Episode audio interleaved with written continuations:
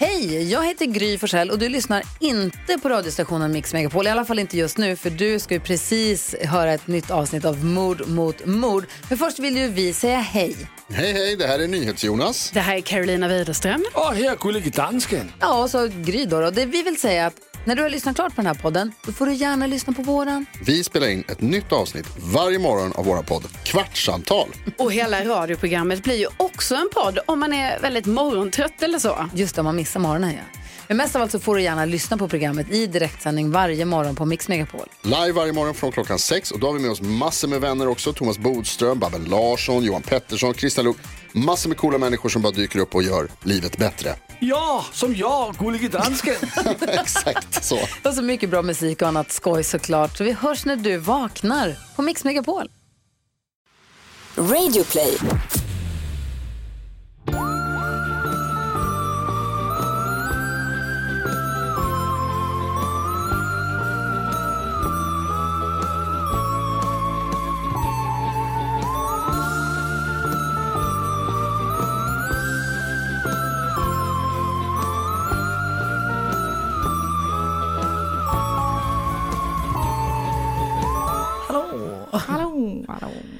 Hallå till Oliver, vår kära klippare. Hej. Och hallå till... Alla mord mot mord lyssnare. Och resten av världen. Nej just det, det är inte. Det är bara de Det är bara de egentligen som lyssnar ja. Så var det väl det. Ehm, just det här är ett nytt avsnitt. Eh, för det, om, det, om det är någon där ute som lyssnar back to back. Så. Så har det nu blivit ett nytt avsnitt av Mord mot mord. Jag heter Karin André, du heter Anna Sandell. Det gör jag. Och eh, nu är vi här.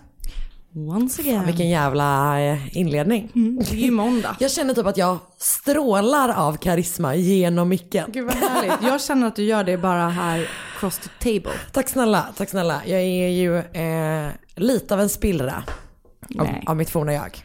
Det, eh, det är du verkligen inte. Jag har bara jobbat jättemycket. Eh, Du har gjort en väldigt cool grej Jag har öppnat ett, eh, vi har öppnat ett museum som nu har stängt. för Vattenfall. Exakt, som vi hade öppet under helgen. Så man kan inte besöka det, det var därför jag Nej inte, men det kanske öppnar på fler ställen. Ja. Vi hoppas på det. Som heter Museum of Fossil Fuels. Som utspelar sig i en framtid där vi inte längre driver bilar och andra transporter med fossila bränslen. Väldigt spännande. Mm, det blev faktiskt väldigt bra. Det lät skittråkigt nu när jag sa det. Det var det inte, det var jättebra. Det var faktiskt, Det jag känner mig väldigt stolt och ganska trött. Förstår det. Men eh, det som känns härligt med det här är att vi nu spelar in på en måndag. Avsnittet vi släpper på onsdag. Vilket gör att jag känner mig väldigt nära. Nära. Jag håller De med. som lyssnar. Det var länge sedan det var så tajt. Exakt. Kanske aldrig. Kanske aldrig. någon gång. Kanske någon gång. Vi, vi vet väl inte Vem det. minns? Ehm, kommer du ihåg innan idag när du skrev en sak till mig och så skrev jag kan, du, kan vi snälla prata om det här i podden? Eh, ja. Nu, också nu att det kommer bli märkligt nu när jag säger vad det var. Det var dina fötter. du är ju inne i lite av en fotresa. Det här, det, det här är ju inget, det, jag vill inte låtsas som att jag upptäckte det här. För det här är ingen ny produkt. Men det här är första gången jag testar det. En sån här strumpa med kemikalier i som gör att man ömsar all Skit. hud på fötterna. Alltså som en orm fast bara foten. Och alltså, det skulle ta 57 dagar. Och när det, bara, när det hade gått tre dagar så var jag så bara, fan, det funkar inte för mig. Alltså typiskt dig. Mina fötter är så, det måste vara något fel på mina fötter. Och börja googla så. Eh, Fel på, fel på, fel på fot. inte? Ehm, nu har det gått fem dagar. Ja, och nu har det börjat. Det flagnar så mycket om mina fötter. Alltså det är är det konstigt helt jävla... om jag säger att jag vill se? Nej, för att du liksom jag älskar sån här skit. Ja, ja, foten kommer fram. Åh oh, jävlar! alltså dina fötter, fötter ser ut som att de är byggda av Ed Gein. Alltså det är... Åh oh, jävlar Och vad det här är ändå den mindre flagnade foten. För att jag kan inte ta av strumpan typ på den andra. Men alltså, och du, nu ska du bara låta det vara. Kommer det liksom bli ännu mer tror du? Man får inte... Ja, alltså... Hela jävla foten kommer trilla av. Alltså, nej. Men, gud. liksom... men, men det är ju något otroligt tillfredsställande med det, eller hur? Alltså, jag älskar ju att klämma finnar. Jag Ja. älskar alltså pilla på allt. Ja. eh, på kroppen. Alltså jag tycker att det är liksom, nej men, det, nej men okej. det, jag menar liksom allt. Allt eh, annat. Allt annat. Ehm, så att det är så frustrerande att man inte får dra. Okej, så nu måste du vänta. Jag skrubbade lite så här lätt i duschen idag, bara med handen så här under foten. Och då bara, Då lossnade det. Och så var jag tränade på, ehm, på gymmet på jobbet idag. ah, ah. Jag- nej, jag bara hoppas ingen tittar så? på mina fötter. Alltså Hans och Greta spår tillbaka till ditt skåp. Kan vara så att jag gjorde det. Det är så Men, fascinerande. men är liksom meningen att, alltså för i mitt huvud, min dröm Mm. är ju att allting kommer av som en socka. Det gör det tyvärr inte. Nej jag förstår att det inte, det hade ju varit orimligt om du gjorde det. Mm. Men tänk om du hade gjort det. Jag vet. Men är du sån att du kanske typ så kollar på Dr. Pimple Popper? Alltså i teorin, Ja. ja. Eh, men det är för jävla äckligt alltså. Ja, jag ska berätta för dig. Det enda jag kollar på där är alltså, vad heter det, blackheads. Ja, pormaskar. Ja. För att de andra, allting annat är sådana så stora grovt. jävla Ja, jävla svulster äckligt. och det är för äckligt. Ja. Men där, och det kan man heller inte relatera till. Nej, Jag har en finne mitt på kinden. Nej, det syns- inte. Tack snälla. Men, eh, jag, men jag är ju fascinerad av ehm, sånt. Men Ja. det är fan över gränsen. För det är precis när, när det blir för mycket. Nej, men, och jag har jättesvårt för, jag har jättesvårt för när man går in och skär i saker. Jag vill inte, alltså det är mitt vidrigaste att se liksom någonting punktera skinn. Ja, Panik, alltså jag får panik du vet när man liksom kanske som en film visar hur någon får en spruta. jag vet. Jag, gud vad jag relaterar till det. Men eh, det som är helgen så var jag på möhippa. Ja. Och så var vi på ett, eh, bruden och tärnorna bodde på hotell där vi liksom bara hade drink typ på fredagskvällen. Och då var det en skena från eh, väggen. Alltså tänkte så här på hotell så kan de ju ha så här eh, som en metallskena på ett hörn typ. Okej, okej. Så, här, så att man inte ska Skada sig. skada. Ja, Nej, ja. eller typ för att man inte ska skada väggen tänkte Ah, jag. okej. Om man inte så drar in med väskan. Ja, ja, ja, ja men då fattar jag. Mm. Eh, som en sån här liksom vinklad Just det som metallskena. täcker typ en katt. Den bara, från ingenstans, pum, rakt ner på en tjejs fot när hon höll på att sätta på sig sina sandaletter. Och alltså det var, jag tror inte att det var hela världen. Men jag kunde inte ens hjälpa att alltså, det var som att jag bara, okej jag är ledsen men jag måste typ utrymma rummet. För att då alla började så här, åh hjälp, åh jag blir blöder. Och då typ Men var jag det bara, mycket blod? Nej jag vet inte, jag tror inte det. Jag Du var inte jag ens var inte, jag var inte värdelös i en krissituation. tyvärr. Du bara, I'm out of here. Tyvärr. Jag, jag, jag, alltså, jag får panik. Av blod just. Men av, av, alltså, ja, av, ska, alltså, av eh, sånt som inte hör till kroppen. Om du fattar. Ja, men jag, jag, jag tror att Ja, jag men fattar. när folk skadar sig eller när det händer saker. Fast det äckligaste är ju ändå benbrott. Alltså, Alltså, i skolan ja. så hade vi såna här sumobrottningsdräkter. Dräkter. Oj, stopp. Ehm, Va, vänta, hade ni sådana uppblåsbara Ja. sumobrottningssäckar i skolan? I skolan. Alltså, Gick du i skolan why. på en sån typ På lekland? Jag vet faktiskt inte varför, vad Nej. jag hade det. Och då var det två killar som så här brottades mot varandra, som var bästisar. Och den ena var så väldigt lång och så stor, och den andra var lite mindre. Och så brottas de och det är så här kul och alla bara Wah! typ så här. Och sen helt plötsligt blir den ena personen, den mindre, bara aj det är något fel med mitt ben. Då så när de får av sumodräkten, då står be- benpipan rakt ut. Också så förnedrande skada. Men också bara, det är något fel med mitt ben. Det är helt så här sansad ton. Man bara, du är fan av på ditt ben, på mitten. Det var så sjukt. Men det, fast man blir ju i chock. Alltså det är ju som när jag eh, brände upp hela min arm. Ja. Så fick jag andra graden brännskada på hela vänsterarmen, typ från armbågen och neråt. För jag hade kaffe på mig. Och då stod jag, eh, jag jobbade på restaurang och så hade jag liksom, jag hade en sån jättestor kaffekokare och så tippade jag den över mig. Och då stod jag, ställde jag mig under kranen och spolade av, för det gör man ju. Och, Huden trillade. nej vänta, nu kommer det här. Det kommer vara ännu äckligare nästan. Jag har hört det här förut. Eh, för att det åkte under. Just det, just det. Just. Alltså du vet, tänk dig, mm, kommer du ihåg filmen Mumien? När skalbaggarna åker in under huden. Lite så. Fan vad äckligt. Och typ att någon av min kollegor kommer och bara, eh, hur går det? Vad är det som händer? Och bara, what the fuck? Jag bara, det har hänt en liten grej. Alltså, Alltså, verkligen. tyvärr, jag hade lämnat det där vid kranen. Jag hade ringt ambulans från en annan byggnad. Där du sprungit till andra sidan stan.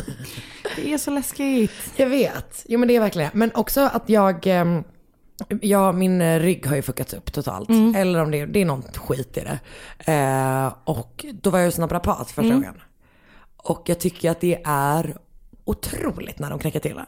Ja, alltså, Alltså, men det är ju kanon. Jag tycker det är kanon också. det Alltså, är lite och- läskigt när de håller huvudet i, i händerna Ja, och och, så- knäcker nacken. Ja. Om det är lite läskigt. Men och nu tog den liksom ryggraden och... Det, var, det var ju otroligt. Det är otroligt. Men jag trodde kiropraktorer var knäckte ännu mer. Ja, oh, då är det dit jag borde gå.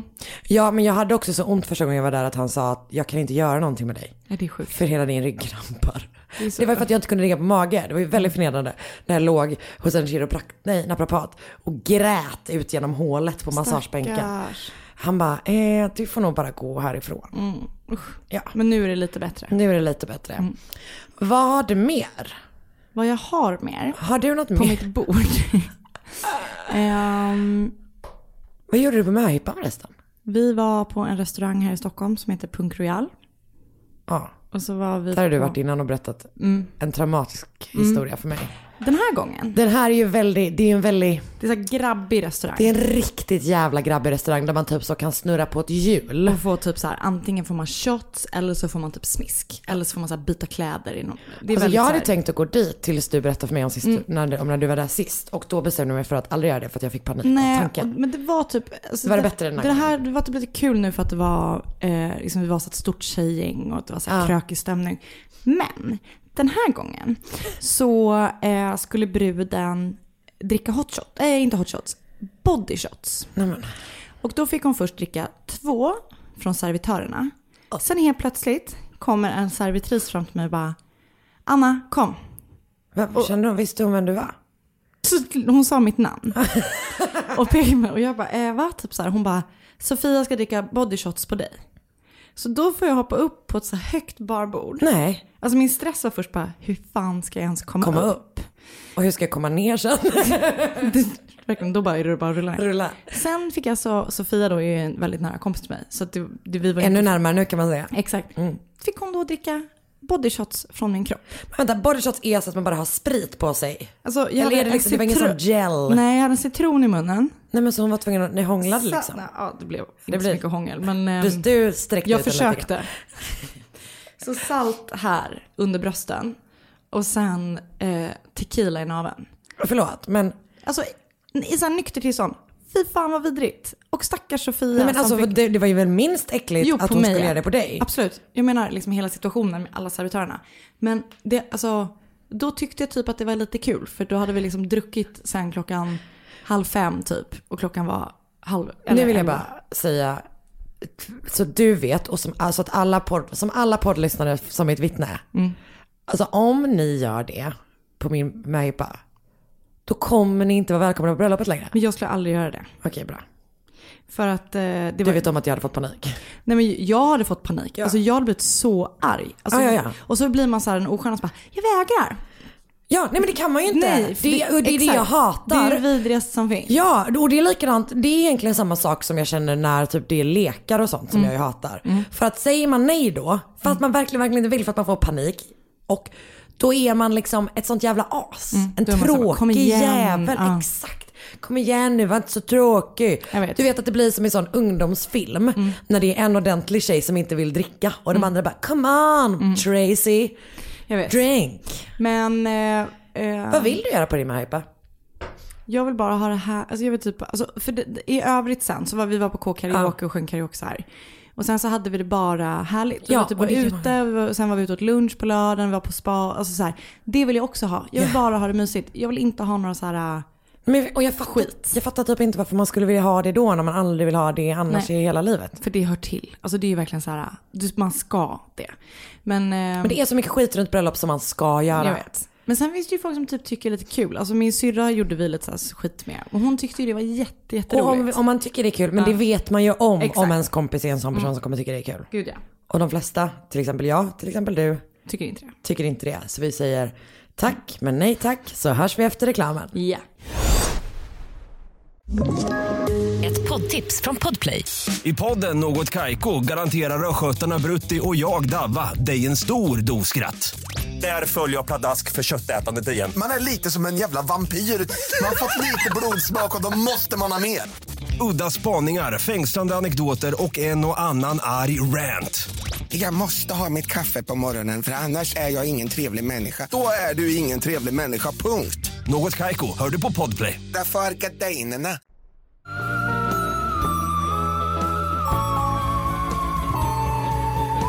Here comes the Nothing. bride. Här kommer En en historia. historia. Mm. Tonja Petro Ja. var eh, relativt nyinflyttad till en stad som heter Lake Elsinore, som är en liten så här, seaside town precis norr om San Diego. Typ en timma från San Francisco, eller om det var Los Angeles. Någonstans i Kalifornien. Det Norr låter San Diego. härligt. Norr om San Diego. Det ser jättefint ut. Det ligger så här precis vid en sjö typ. Och det var så här en lugn, härlig stad med bra skolor, så fina hus och så väldigt mycket familjer och barn. Så det kändes som en perfekt setting för henne och hennes två barn. En pojke och en flicka. Efter att hon har haft ett jobbigt break med sitt ex, alltså pappans, eh, pappan till barnen. Och han var liksom ingen bra pappa, han hade inte varit schysst mot henne.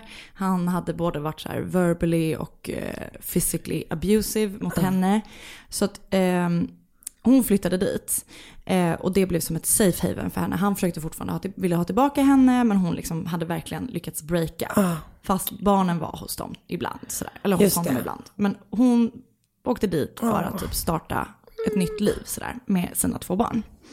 Och innan hon flyttade till Lake Elsinore så hade hon börjat utbilda sig till eh, alltså operationssköterska. Eh, sköterska. Wow. eh, men eh, den här skolan eh, stängde ner. Och när den här stängde ner så fanns det ingen skola där hon kunde tillgodoräkna sig sina poäng. Och hon fick typ inte riktigt ihop eh, ekonomin. För det är ju liksom, Just kostar ju pengar att plugga i USA. Ehm, så att när hon flyttade till Lake Elsinore så började hon jobba i typ en liten matbutik. Och utöver det här jobbet i butiken så var liksom allt hennes fokus på bara barnen. Eh, och i butiken så blev hon jättenära vän med sin kollega Becky. Och de bodde också grannar och de typ såg efter varandra så att de vet så här, had each other's back typ. Alltså, I mitt huvud så är det här nu, det är i och för sig längre norrut kanske. Men att det är i Big Little Lies miljö Ja. är det i mitt huvud nu. Men så jag kan tänka, det, jag tror inte Vi vet inte, men det är ju ehm, också Kalifornien. ja. Mm, ja. Det var min enda eh, referenspunkt. Mm. Och jag Eh. tänker att hon är hon, eh, den mörkhåriga. Exakt, hon är lite äldre, hon är typ, hon är 33. Okej, Ehm, Förlåt. Så hon är väldigt ung fortfarande, men Ja. hon är ju äldre än hon Big Little Lies. Tänker jag. jag tänker också det. Vi hittade pris på det, ja. Ja. Ehm, så en dag i maj 2010 så träffar hon en man. En man som heter Ron Gibson. Och han uppvaktar henne och först är hon så väldigt tveksam och hon är inte alls intresserad av att börja dejta igen. Och hon vill inte hamna liksom i någon skit, hon bara har det här med sitt ex bakom sig. Och ehm, hennes plan var ju bara att fokusera allt på barnen och inte så blanda in en ny kille i deras liv heller. Så hon är först väldigt så här, mm, nej, Ja. tack. Men det går ganska, det är ganska snabbt. För, men Ron, för, precis, Ron arbetar som en byggarbetare. Han är snäll och han är rolig och han är frånskild precis som hon är. Och hon, han har tre döttrar. I ganska nära ålder till hennes Ja. barn. Så det är mycket som typ maker sense. Liksom. Exakt. Ja. Och han verkar vara så superschysst. Ehm, så några dagar bara efter deras liksom, första möte så bestämmer de att de ska äta middag ihop. Ja. Och de får eh, bra kontakt med varandra och de har jättetrevligt så de bestämmer sig för att fortsätta att ses. Och eh, det dröjer inte länge innan eh, de två presenterar varandra och varandras barn för varandra. Så de liksom börjar ja, integrera. Och det känns jättebra och naturligt för barnen är som sagt nära ålder till varandra och typ, ja det blir bara Det är liksom, lätt. Det är lätt. För en gångs skull på jättelång tid så är, det, är saker och ting lätta. Exakt. Och eh, Tonja verkar känna liksom att i den här Ron så har hon träffat någon som hon faktiskt typ kan så här starta ett gemensamt liv med tillsammans med deras familjer. Men ganska snabbt in i deras relation så upptäcker Becky då, alltså Just kompisen. kompisen och eh, hennes kollega, att Ron kanske inte är så här snäll och underbar som han verkar. Eh, och hon beskriver det som, och jag kan så förstå det här så himla tydligt, att först ser hon någon så här liten grej som han gör som är så här fittigt. Och sen, ehm, eh, och sen Alltså typ att man bara ser masken så. Ja, det är någonting precis litet som händer. Och sen så bara, okej, han är ett as. För att efter hon har sett den här lilla så ser hon liksom all skit som ehm, han gör. Ja. Till en början så, du vet han så säger saker till Tonja framför, hennes, eh, framför Becky och så här, hennes andra vänner. Och typ att du vet så här, han skäller ut henne när hon typ kommer med sån fel drink. Och till en början så ursäktar Tonja bara allting. Och eh, typ stryker över det som att så här, nej men det är ingenting, han har bara haft en lång dag på jobbet och du vet, bla bla bla. Så här. Som man ju typ gör också när, Som när man, verkligen som man gör. alltså kanske Oscar aldrig gjort varit så här. Men man, Nej. men Nej men, man- och, men också typ, jag tror att alla typ känner igen det. Att typ att man är bästa kompis med någon som är tillsammans med någon. Och så bara plötsligt är det som att ma, typ en mask Exakt. kommer av. Och man bara, men gud. Det var verkligen så bara, är det där den personen? Men man känner ju också igen sig i hennes beteende. Att det kan ju handla om ens kille, eller ens föräldrar, eller ens Ja. vänner. När någon gör någonting som är lite störigt så är man ju, skäms man ju för det. Så är man bara och då får man bara släppa ja. över. Ja, verkligen. Ehm, Men ju längre tid det går så liksom desto svinigare blir han. Och han, hon blir mer och mer trött på honom. För han typ dricker ganska mycket och han så bråkar om små saker. Och så en dag så slår han hennes son. Och ehm, då rinner liksom bägaren över. Då är det typ att hon bara fuck you, hon blir så här riktig lejonmamma och bara du ska ut härifrån, jag vill aldrig mer se dig, du får aldrig komma med nära mina barn och sådär. Det gör så ont i henne att det typ är så här, hon har liksom lämnat ett as till man. Så tagit sig nästa. därifrån och bara nu kommer det här bli skoj och härligt. Så hemskt. Åh fy fan vad panik. Ja. Eh, men Ron försöker ju så här fortsätta uppvakta henne och hon, han typ så här skickar blommor och sånt. Men hon är helt färdig med honom. Så en dag så är Tonja hemma och barnen är hos eh, sin pappa. Det här är 4 januari 2011 så det är typ ett halvår efter att de har träffats första gången. Eh, och då dyker Ron bara upp typ så helt oanmäld i huset. Och så säger han så här, men jag vet att du sa att du skulle skicka grejer. Eller vet, han är typ där för att hämta sina grejer. Absolut. Eh, och när han väl är där ehm, så frågar han, för att när de var ihop liksom, så blev hon medbjuden på en fest. Så säger han så här, den här festen är ju idag, kan du inte bara följa med mig på den? Eh, och eh, för på festen så skulle ehm, hans barn vara och han är typ så att de saknar dig och typ straffa inte dem för att du hatar mig utan kan du inte bara komma och typ säga hej då till dem sådär. Man bara, eller typ slå inte hennes barn så hade dina... Ja. ja. Absolut. Du har helt rätt i det. Tack. Eh, men Tonja går i alla fall med på det här, för hon gillade liksom verkligen hans barn. Så hon går och duschar och gör sig i ordning. Och under tiden som Tonja är i duschen så ringer hennes telefon. Och eh, Ron svarar och det är Tonjas mamma som ringer. Okej. Och han typ är lite så här, ah, jag är här, typ jag ska hämta mina grejer, vi ska på fest och så här, bla bla. Gud vilket övertramp att svara i hennes telefon Så, bara. alltså jag hade blivit så arg. Ja men när man bara, nu har vi slutat ses. Överhuvudtaget märkligt. Men också bara, Men nu också har bara, vi du är inte ens min ses. pojkvän. Nej exakt. Eh, men mamman i alla fall kan säga, okej, eh, du kan väl hälsa Tonja att jag har ringt och berätta för henne att jag har fått över 6 000 dollar på hennes konto som ett stöd, typ för att hon skulle så här, kunna köpa julklappar och... Nej, det har precis varit jul. Kanske vi börjar plugga. Eh, nej, det var nog för att det hade varit jul, så att hon ville sätta, hjälpa henne efter. Hon sätter i alla fall in 6 000 kronor Dollar. dollar. Eh, och den här festen som de skulle till, den, den låg en bit bort. Eh, typ, jag tror att det var typ två timmar med bil. Så att de ska åka dit. Så de sätter sig i bilen och börjar åka när Tonja är ute ur duschen. Okej. Jag Eh, känner mig orolig nu. mm, med all rätt. För tre dagar eh, efter att Tonja åkte iväg på festen så undrar Tonjas syster Tracy, hennes barn och hennes exman då som hade barnen varför hon inte hört av sig. Och varför hon inte har kommit hem. Och systern, liksom, när hon får reda, för hon får reda först efter tre dagar på att hon inte har kommit hem, att hon inte hört av sig. Och jag, jag tror att typ mannen har varit så här, "Ah, ja men hon gör väl någonting, typ jag har barnen hos mig. Typ inte reagerat så mycket på det. Men när syrran får reda på att eh, de inte har hört av Tonja på tre dagar och att Tonja inte svarar i telefon och sådär. Så eh, blir hon såklart jätteorolig. Så hon åker till polisen för att så här, ni måste leta efter henne typ. Och de säger så här, men vi, du kan typ göra en anmälan om att hon är borta. Eh, vi kan inte säga att hon inte åkte iväg självmant och du vet sådär bla bla bla bla. Eh, och då är hon så här, hon bara, men ni måste göra någonting och typ så här, jag vill att ni ska mm, veta att eh, Tonja och hennes kille Ron har haft liksom, han har inte varit schysst mot henne typ.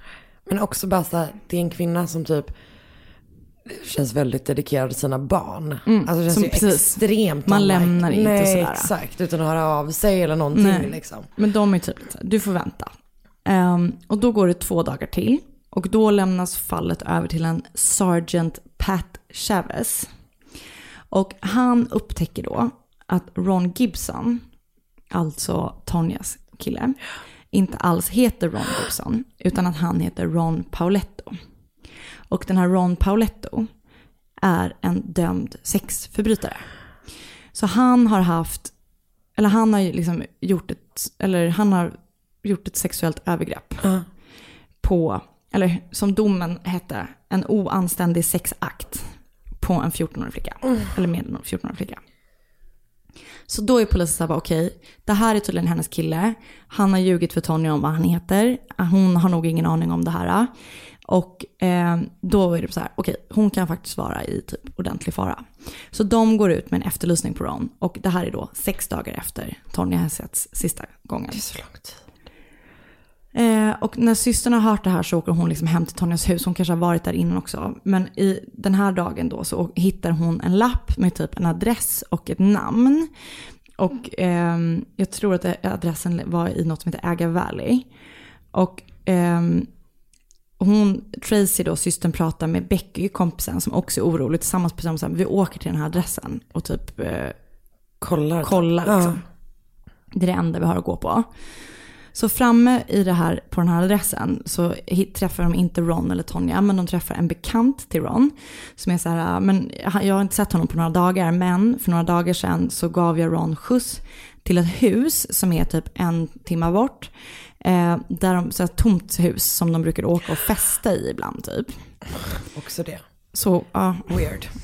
Eh, så den här mannen är så här, jag kan köra er dit om ni vill liksom se det.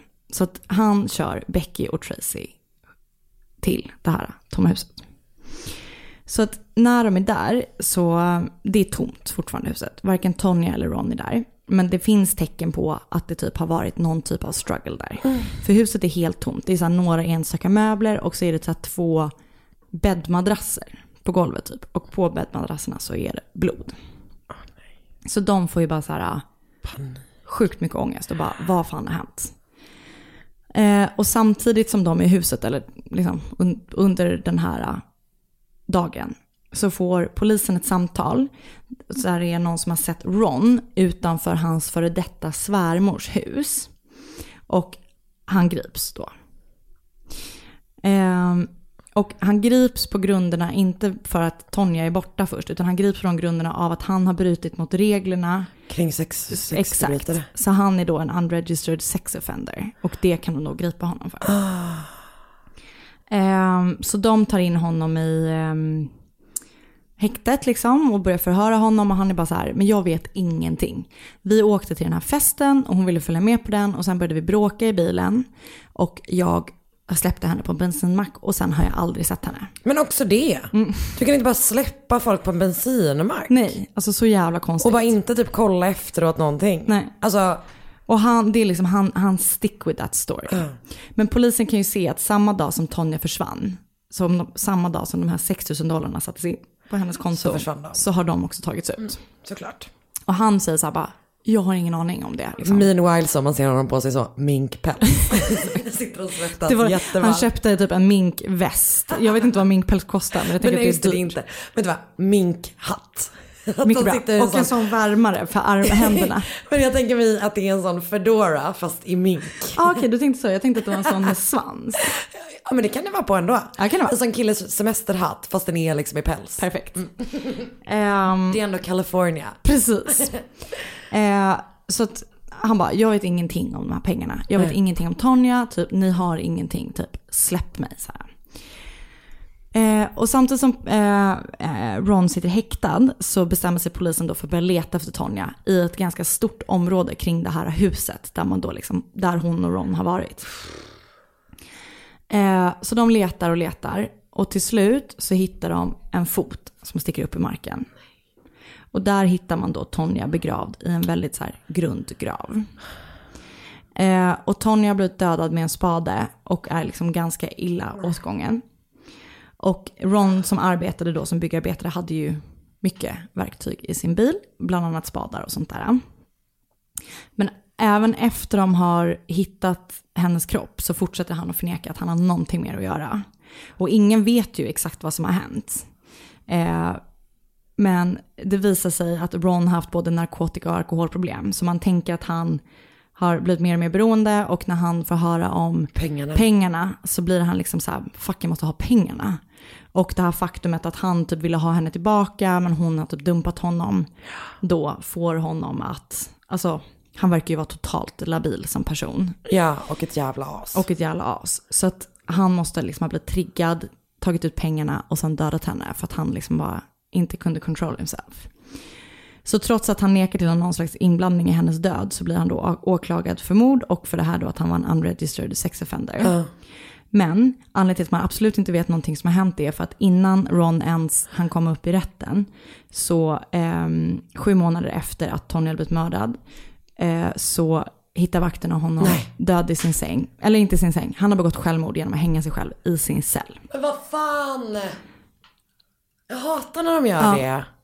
Så att det här är då, alltså det är klart att det är han. Ja. Men det fick aldrig någon, liksom, alltså eh, hennes familj och så här säger typ att vi är glada att han är död fast vi hade hellre sett att han Ja men också bara typ att man får man sin får så här svar. day in typ. court. liksom. Exakt. Så att eh, det här var ett fruktansvärt fall om mordet på Tonja Petro. Det är så mycket i den här som är så, Så hjärtskärande. så hjärtskärande. För att det är så här, ja hon hade liksom sitt liv under kontroll. Och sen är det ett jävla as som kommer bara och fuckar upp allting. Och det går så fort, det går på ett halvår. Hur liksom han han manipulera och nästla sig in på så jävla vidrigt sätt.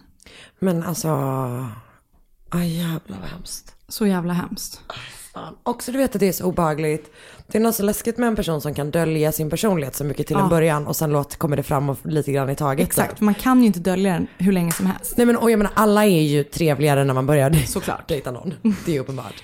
Men just det här när det är liksom så här, hon, anledningen till att hon släppte in honom var för att han typ var så himla god och nice snäll. guy typ. Mm. Ja, och sen så bara, nej det är han inte. Nej, så Han är sexualförbrytare Mm. och eh, mördare. Så är det är så jävla jävla vidrigt. läskigt? Ja. Ja. Fy fan vad obehagligt. Och det här fick jag som ett tips på Instagram, så jag vill tacka för det. Ah, bra. Ett poddtips från Podplay. I fallen jag aldrig glömmer djupdyker Hasse Aro i arbetet bakom några av Sveriges mest uppseendeväckande brottsutredningar. Går vi in med hemlig telefonavlyssning och, och då upplever vi att vi får en total förändring av hans beteende. Vad är det som händer nu? Vem är det som läcker? Och så säger han att jag är kriminell, jag har varit kriminell i hela mitt liv men att mörda ett barn, där går min gräns. Nya säsongen av Fallen jag aldrig glömmer på Podplay.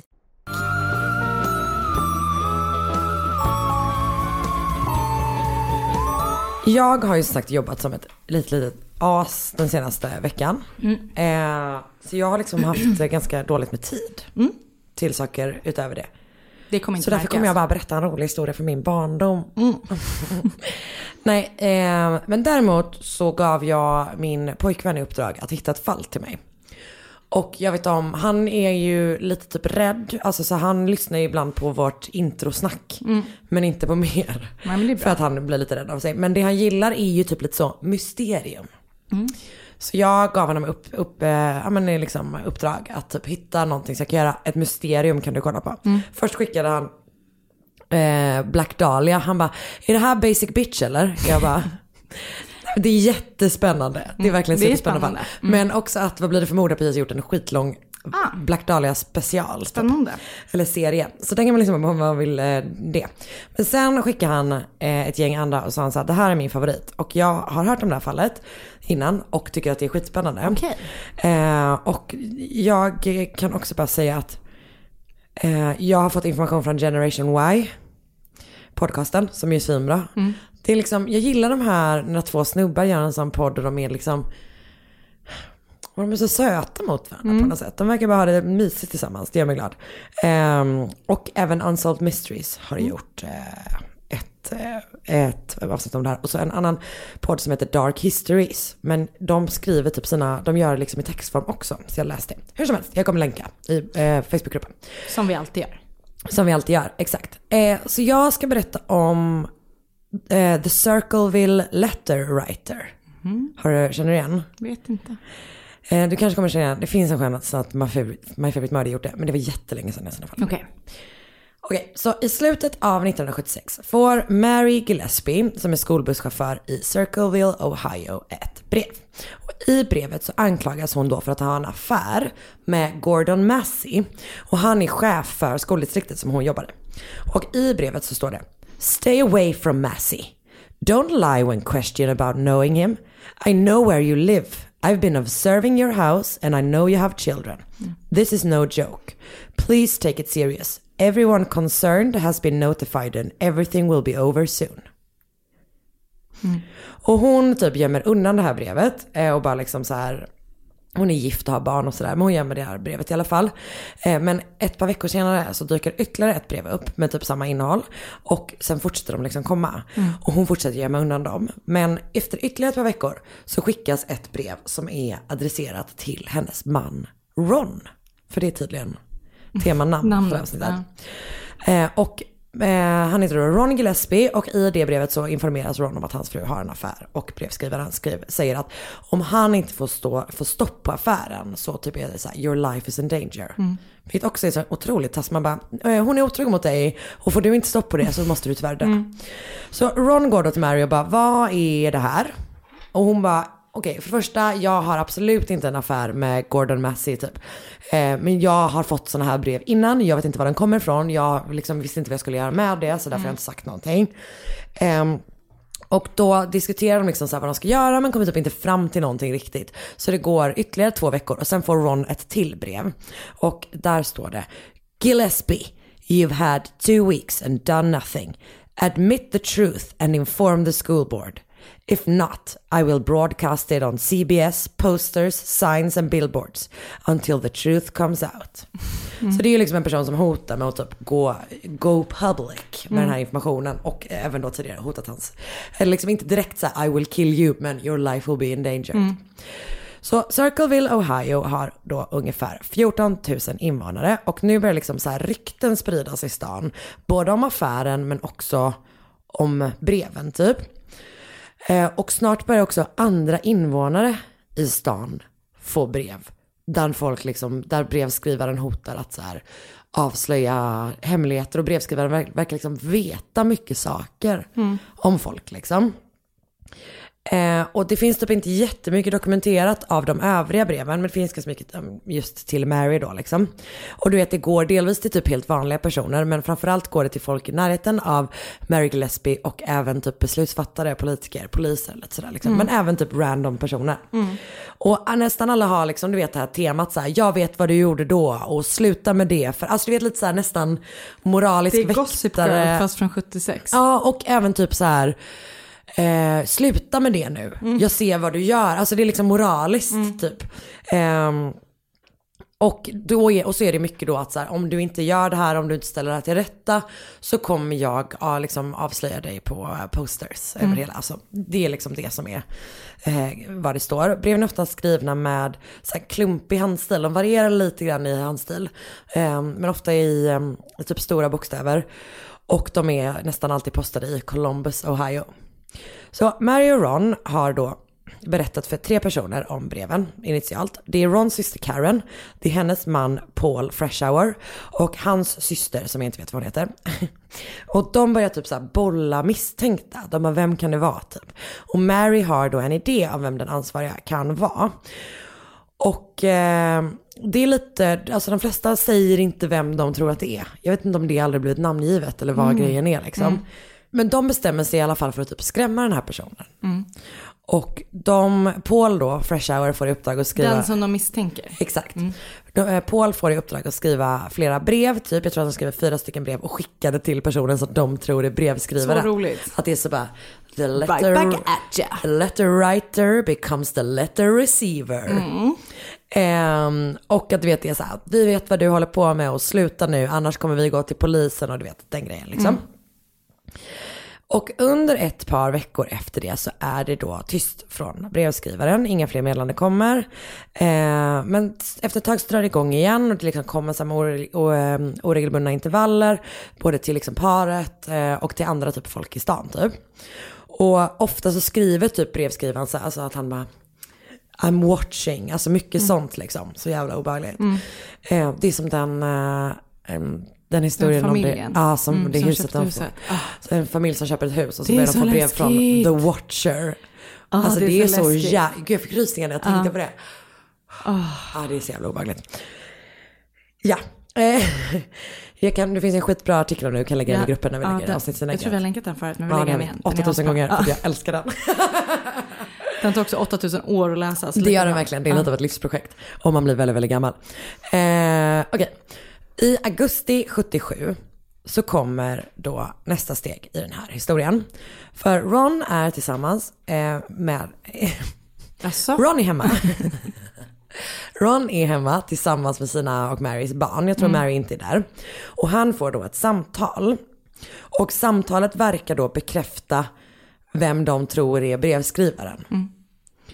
Och han typ så här rusar upp, bara säger till sina barn så här, jag ska gå och konfrontera brevskrivaren. Han eh, tar med sin pistol. Och sen rusar han ut genom dörren eh, och liksom springer ner till deras, deras bil, kör iväg. Och inom några minuter så är Ron Gillespie död. Det är så sjukt. För att han eh, tappar då kontrollen över bilen jättekort efter så här, där, där de bodde Mm. och kör, kraschar rakt in i ett träd.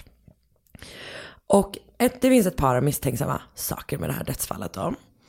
Delvis så finns det de som menar att det är märkligt att han kraschar i en korsning som han är liksom så van att köra i. Mm. Men å andra sidan antar, antar jag att typ är man Han arg speedade, ja. och liksom sådär så kanske man, mm.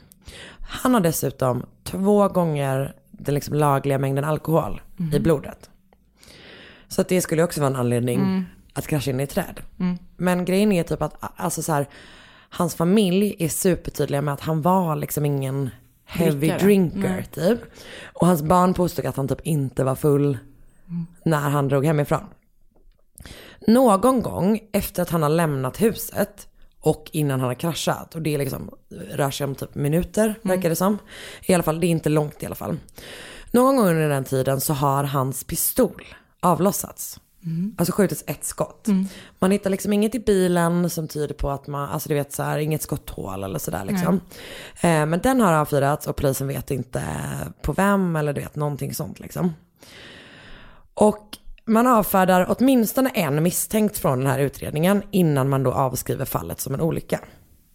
Och strax efter att de har gjort det så kommer fler brev från The Circleville Letterwriter. Eh, där han då, eller den här personen skriver att Sheriff Dwight Radcliffe har liksom så här covered up det som egentligen hände typ. Och eh, Paul Freshour säger också senare att han, att alltså den här Dwight Radcliffe, eh, sheriffen, polischefen Mm. kanske, eh, har sagt till honom att han bara, "Mm, det här var foul play. Men sen har det gått några dagar och sen har han ändrat sig. Det är också mycket möjligt att han gjorde en lite längre, mer utredning, kanske fick reda på det här med alkoholen. Mm. Och sen bara, oj det var visst en olycka.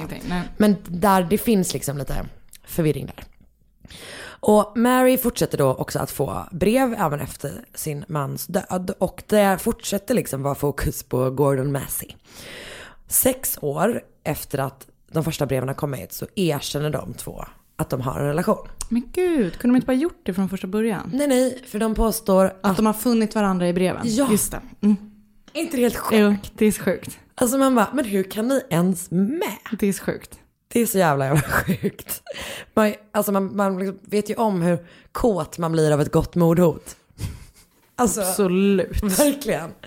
Ehm, och nu, liksom lite längre fram, nu är vi inne på 80-talet då. Mm. Så börjar då eh, brevskrivaren ta sina trakasserier till nya nivåer. Plötsligt dyker det upp skyltar längs med vägen som Det är en Mary sån kör. galen person. ja. Alltså, Ja, ja, ja, ja, verkligen. Så det liksom står, hon kör med sin skolbuss i godan ro. Eh, tänker på när hon ska hem till Gordon Massey Mm. och läsa brev högt för varandra. Mm. Eh, och så bara är det liksom så här, det sitter typ hot och du vet hån ut med vägen på skyltar liksom. Och först är de då hotfulla mot henne, men sen börjar de också då vara, alltså liksom bli hotfulla mot hennes barn. Mm. Och en dag så ser hon en skylt där, man liksom, där det står typ att man ska så här, skjuta hennes 12-åriga dotter. Och hon bara, nu är det fucking nog. Så hon stannar bussen, jag antar att hon inte har några barn där då.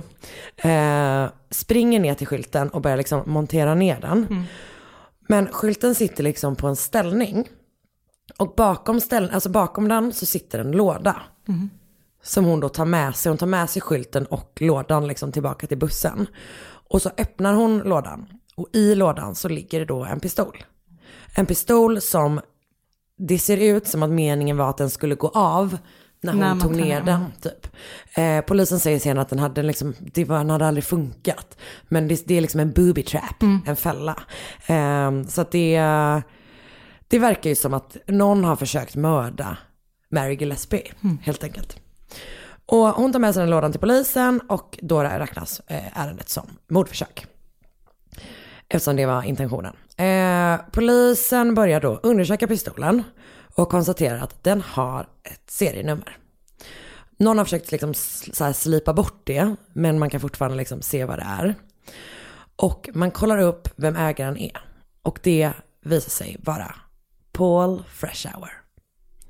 Alltså Ron Gillespies systers, numera före detta Mm. man. De har hunnit skilja sig. Och polisen pratade med Ron och han säger att hans pistol har blivit stulen från hans garage flera år tidigare. Verkligen. Eh, man tar in honom på för- förhör och där får han då göra ett skrivtest. Och alltså de ska testa hans Mm. handstil mot brevskrivaren då. ballistik. Heter det det? Jag tror Ballistic. Mm. Men vänta, go ballistic, är inte det att man ballar ur? Nej, bara, nej det är bara att man är, går på en sån... Man skriver... Man skriver väldigt fint. Ballisti... Ballist... Ah, skitsamma.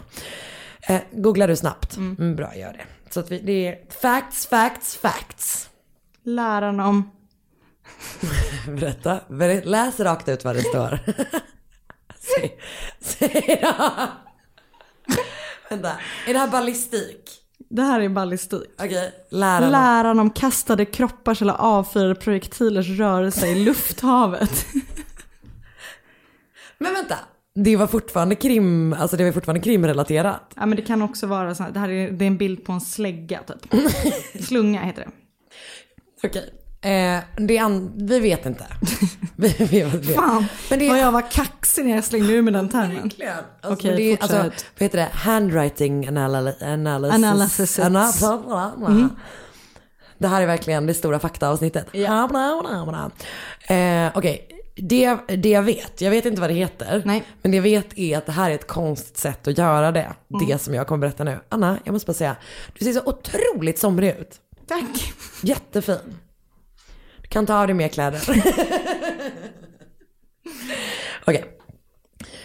De gör det här testet på ett skitkonstigt sätt. För istället för att vara så här, skriv de här orden, alltså antingen säga det till honom eller typ genom en lapp, typ kan du skriva det här meddelandet eller så här. Så ger de honom alltså ett brev och sen säger de så här, kopiera det här.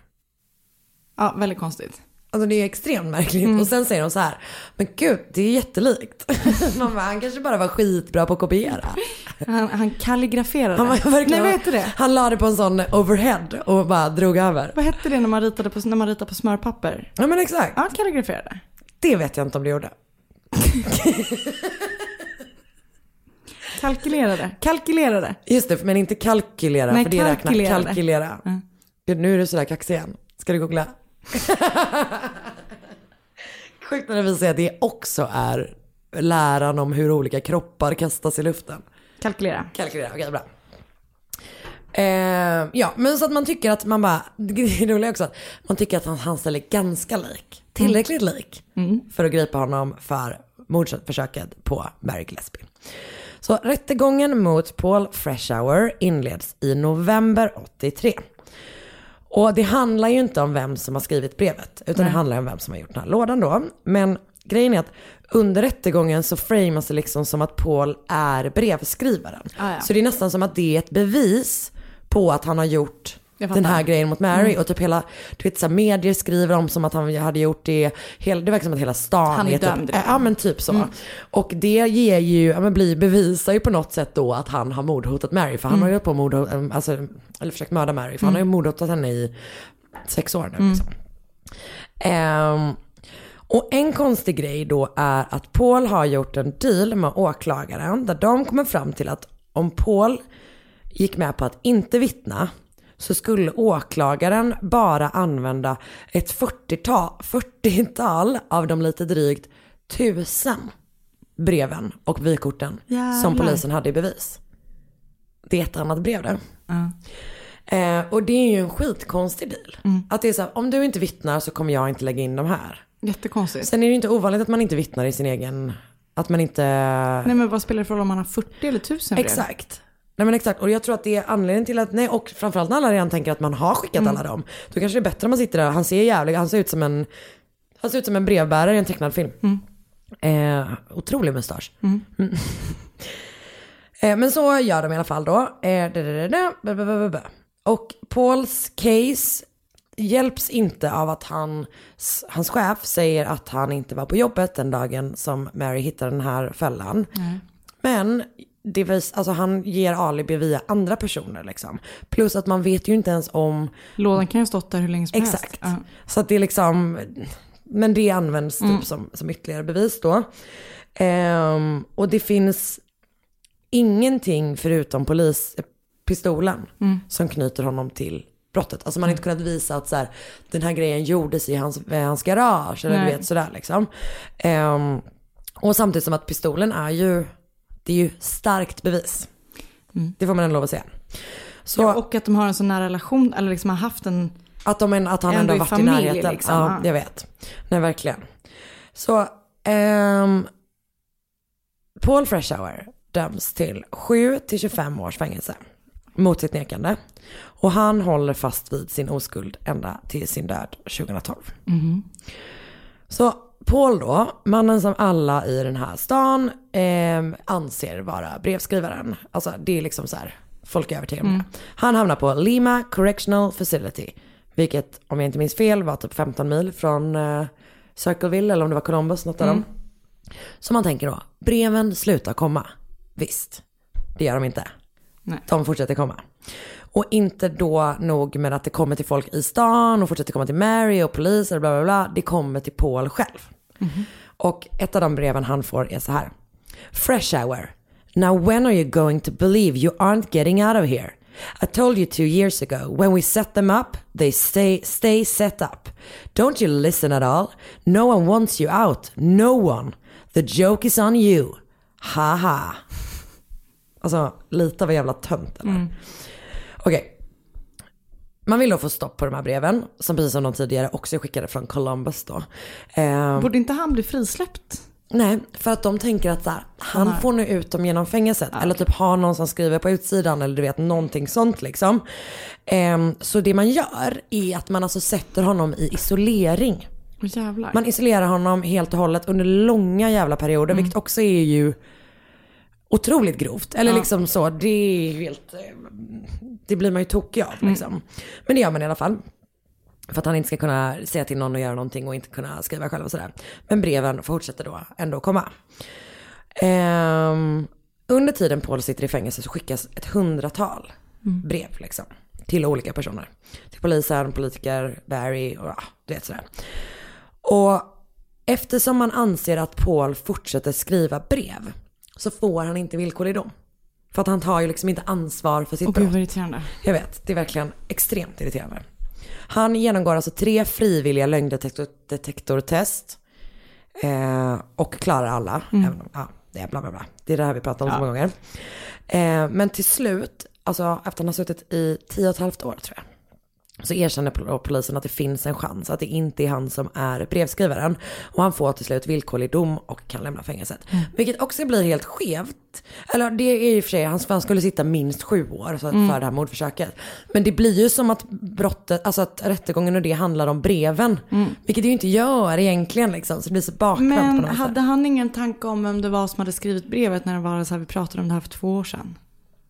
Alltså jag vet faktiskt inte. Jag har inte liksom hittat någonting om det. Nej. Men Då hade han antagligen. Men det han gör, det kan han ha gjort, jag vet inte. Men för att det han gör efter att han kommer ut är att han sätter ihop liksom ett jättelångt dokument till FBI med all information Mm. som han har kunnat hitta om det. Det är typ så här 180 sidor långt eller någonting.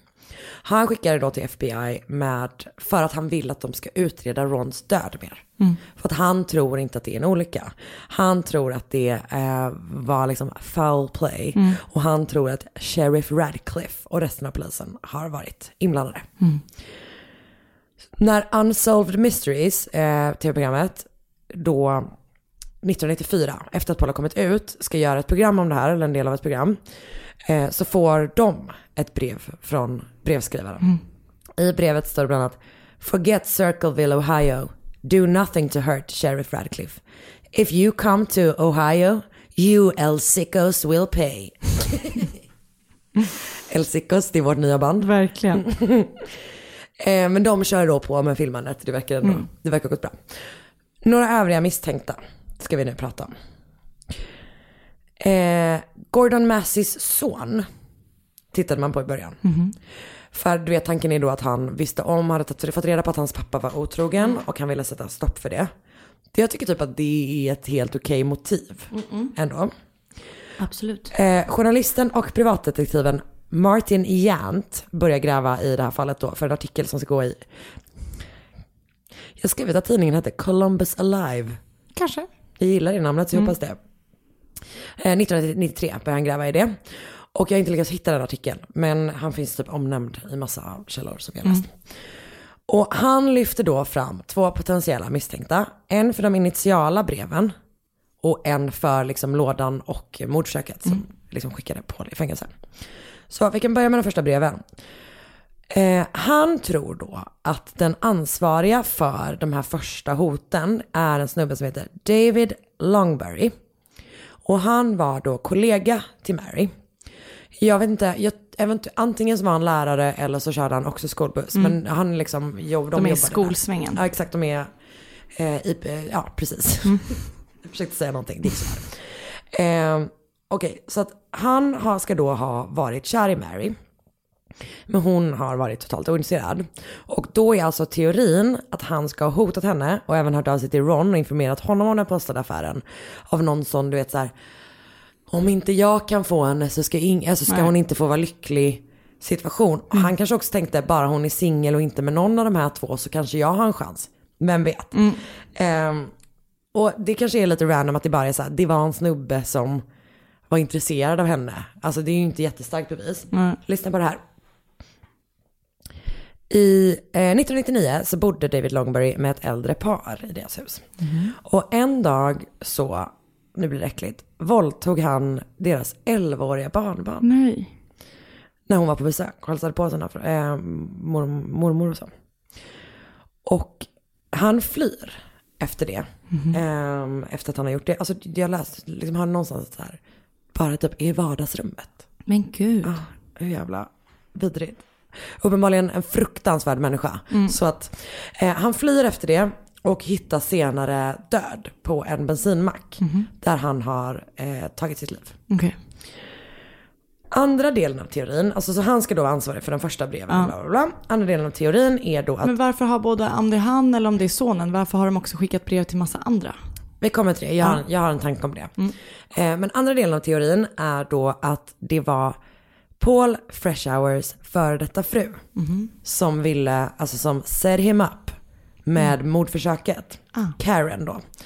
Eh, anledning till att det är så här att hon ska, att hon är misstänkt är att när de skilde sig så blev hon liksom av med allt, inklusive deras barn. Oj. Och tänk att det är 83, det måste vara extremt ovanligt. Att man inte skickar, alltså att barnen inte stannar med mamman. Eh, och hon hade, vet, jag tror att han fick hus och liksom allting så här. Okej. Så att tanken är då att han, hon framar Mm. Paul. För att få tillbaka. För att få tillbaka barnen och deras grejer liksom. Och att hon kanske då visste att den här fällan inte funkade. Så det är inte det att hon försökt mörda Mary egentligen. Nej. Utan hon har liksom bara ja, använt sig av honom. den grejen liksom. Och den teorin stöttas då av att ett, ett nytt vittne kommer fram. Och det här vittnet berättar att hen har sett en gul bil parkerad ut med vägen där Mary senare hittar eh, lådan. Och vittnet såg också en man som typ så stod och donade med någonting när de kom typ vände sig bort och såg, eh, såg ut som att de typ stod och kissade. Men att det var liksom något weird där. Ehm, och den här mannen säger då det här vittnet inte var Paul Freshour. Men att det kan ha varit Karens bror. Okej. Och han har, hade också, alltså Karens bror hade också en bil av det bilmärket, det är någon slags pickup truck i liksom gult. Kommer du ihåg den tävlingen? Gul bil. Gud, gud ja. Alla vann på den. Ehm, så det är liksom att hon Mm. skulle ha gjort det och Okej. David Longbury skulle Mm. ha gjort det första då. Så att Circleville Letterwriter var alltså aktiv under lite drygt 20 år. Jävlar. Det är så jävla lång tid. Som sagt skrevs över då tusen brev. Och grejen är att jag tror då att den här Martin Jant, att han är någonting på spåret. Men jag tror inte att det bara är två stycken inblandade. Nej. Utan jag tror, att mycket möjligt att den här David Longbury har börjat grejen. Eller Eh, hakat på. Exakt, för det är det jag tror är det som har hänt. Mm. Att folk har sett vilken panik det har spridit i stan. Alltså de är troll. Du vet man har sett där och sen så har folk bara börjat säga, men jag vill att hon ska sluta. Men det är bara stop picking your nose in public, I Mm. see you. Så skickar man ett brev. Var det ett brev till mig? ja. Stop shedding skin in public at the gym man. You're disgusting. Nej men så då har folk börjat, nej du, Jag skojar. Jag skojar. Ja, jag, jag fattar. Så det tänker jag är typ mest likely. Men då tror inte jag att, att eh, David Longbury började. Då tror jag att han hakade på. Och vem tror du började då? Kanske Gordon Masseys son? Eller den som skickade brev till politiker och sånt tänker jag först. Fast jag tror att Karens, äh, Marys brev är den första. Aha, okej. Fast det kanske, det vet vi ju inte ens. Hon kanske var det första som blev så här. Uppmärksam. Ja, okej. Så att jag tror, alltså antingen David Longbury, jag tycker också att, att uh, Gordon Masseys son är Ja. ett ganska bra liksom. För att jag, jag tycker också att det är lite så barnsligt skrivet, nu vet jag för sig inte hur gammal han var. Jag förstår du vad jag menar? Och typ de första breven också skrivna på något så här, jag vet inte, det ser ut som att det kommer från en jävla skolbok fattar. liksom. Mm. Så, och sen tycker jag att Karen är ändå ett, Kan vara, absolut. alltså bra. skulle kunna vara ett bra liksom, Absolut. eh, en bra gärningsperson. Jag köper det. Bra, tack snälla. Eh, jag tror dock, by the way, att Ron Gillespies död var en olycka. Mm. Alltså jag, man kan väl inte, ja, om, man inte, om man inte är polischef och fejkar. Nej, Eh, så det lär vara en olika. jag tror typ det. Det vet du vad, det är jävligt sällan som it goes all the way to the top. Faktiskt. Så är det ändå. Undrar vem, vad han hade skjutit innan bara. Ja, men jag vet, du vet, det är också, det här var 76, 77. Vad fan visste de om ballistik? Vad fan visste de om ballistik? kan vi göra, när vi gör merch, kan vi göra tröjor där det står, vad fan vet du om ballistik? Absolut. Absolut. Ehm, Tack för en eh, spännande historia. men tack ska du ha. eh, tack alla som lyssnade. Och som vanligt, som du sa, så kommer vi länka till allting I vår i vår Facebookgrupp. Facebookgrupp. Mitt fall kommer från en My Worst Nightmare, Your, Your Worst Nightmare, som är en läskig serie som fanns på Netflix men som inte finns kvar. Ah, Läskigt. läskigt. Eh, och gå med i vår Facebookgrupp, Mord mot mord podcast. Följ Karin på Instagram, hon heter att Karin Londre och jag heter att Sandal Anna. Och jag vill jättegärna ha tips och det vill Karin också. Och också, erkänn vår nya logga är fin. Så fin. Och vet ni vad? Då har ni inte ens fått se våra nya pressbilder än. alltså de är så gulliga. bara. De är så gulliga! Hej då! Hej då! Ett poddtips från Podplay. I podden Något Kaiko garanterar östgötarna Brutti och jag, Davva, dig en stor dos skratt. Där följer jag pladask för köttätandet igen. Man är lite som en jävla vampyr. Man har fått lite blodsmak och då måste man ha mer. Udda spaningar, fängslande anekdoter och en och annan arg rant. Jag måste ha mitt kaffe på morgonen för annars är jag ingen trevlig människa. Då är du ingen trevlig människa, punkt. Något Kaiko, hör du på Podplay. Därför är gardinerna.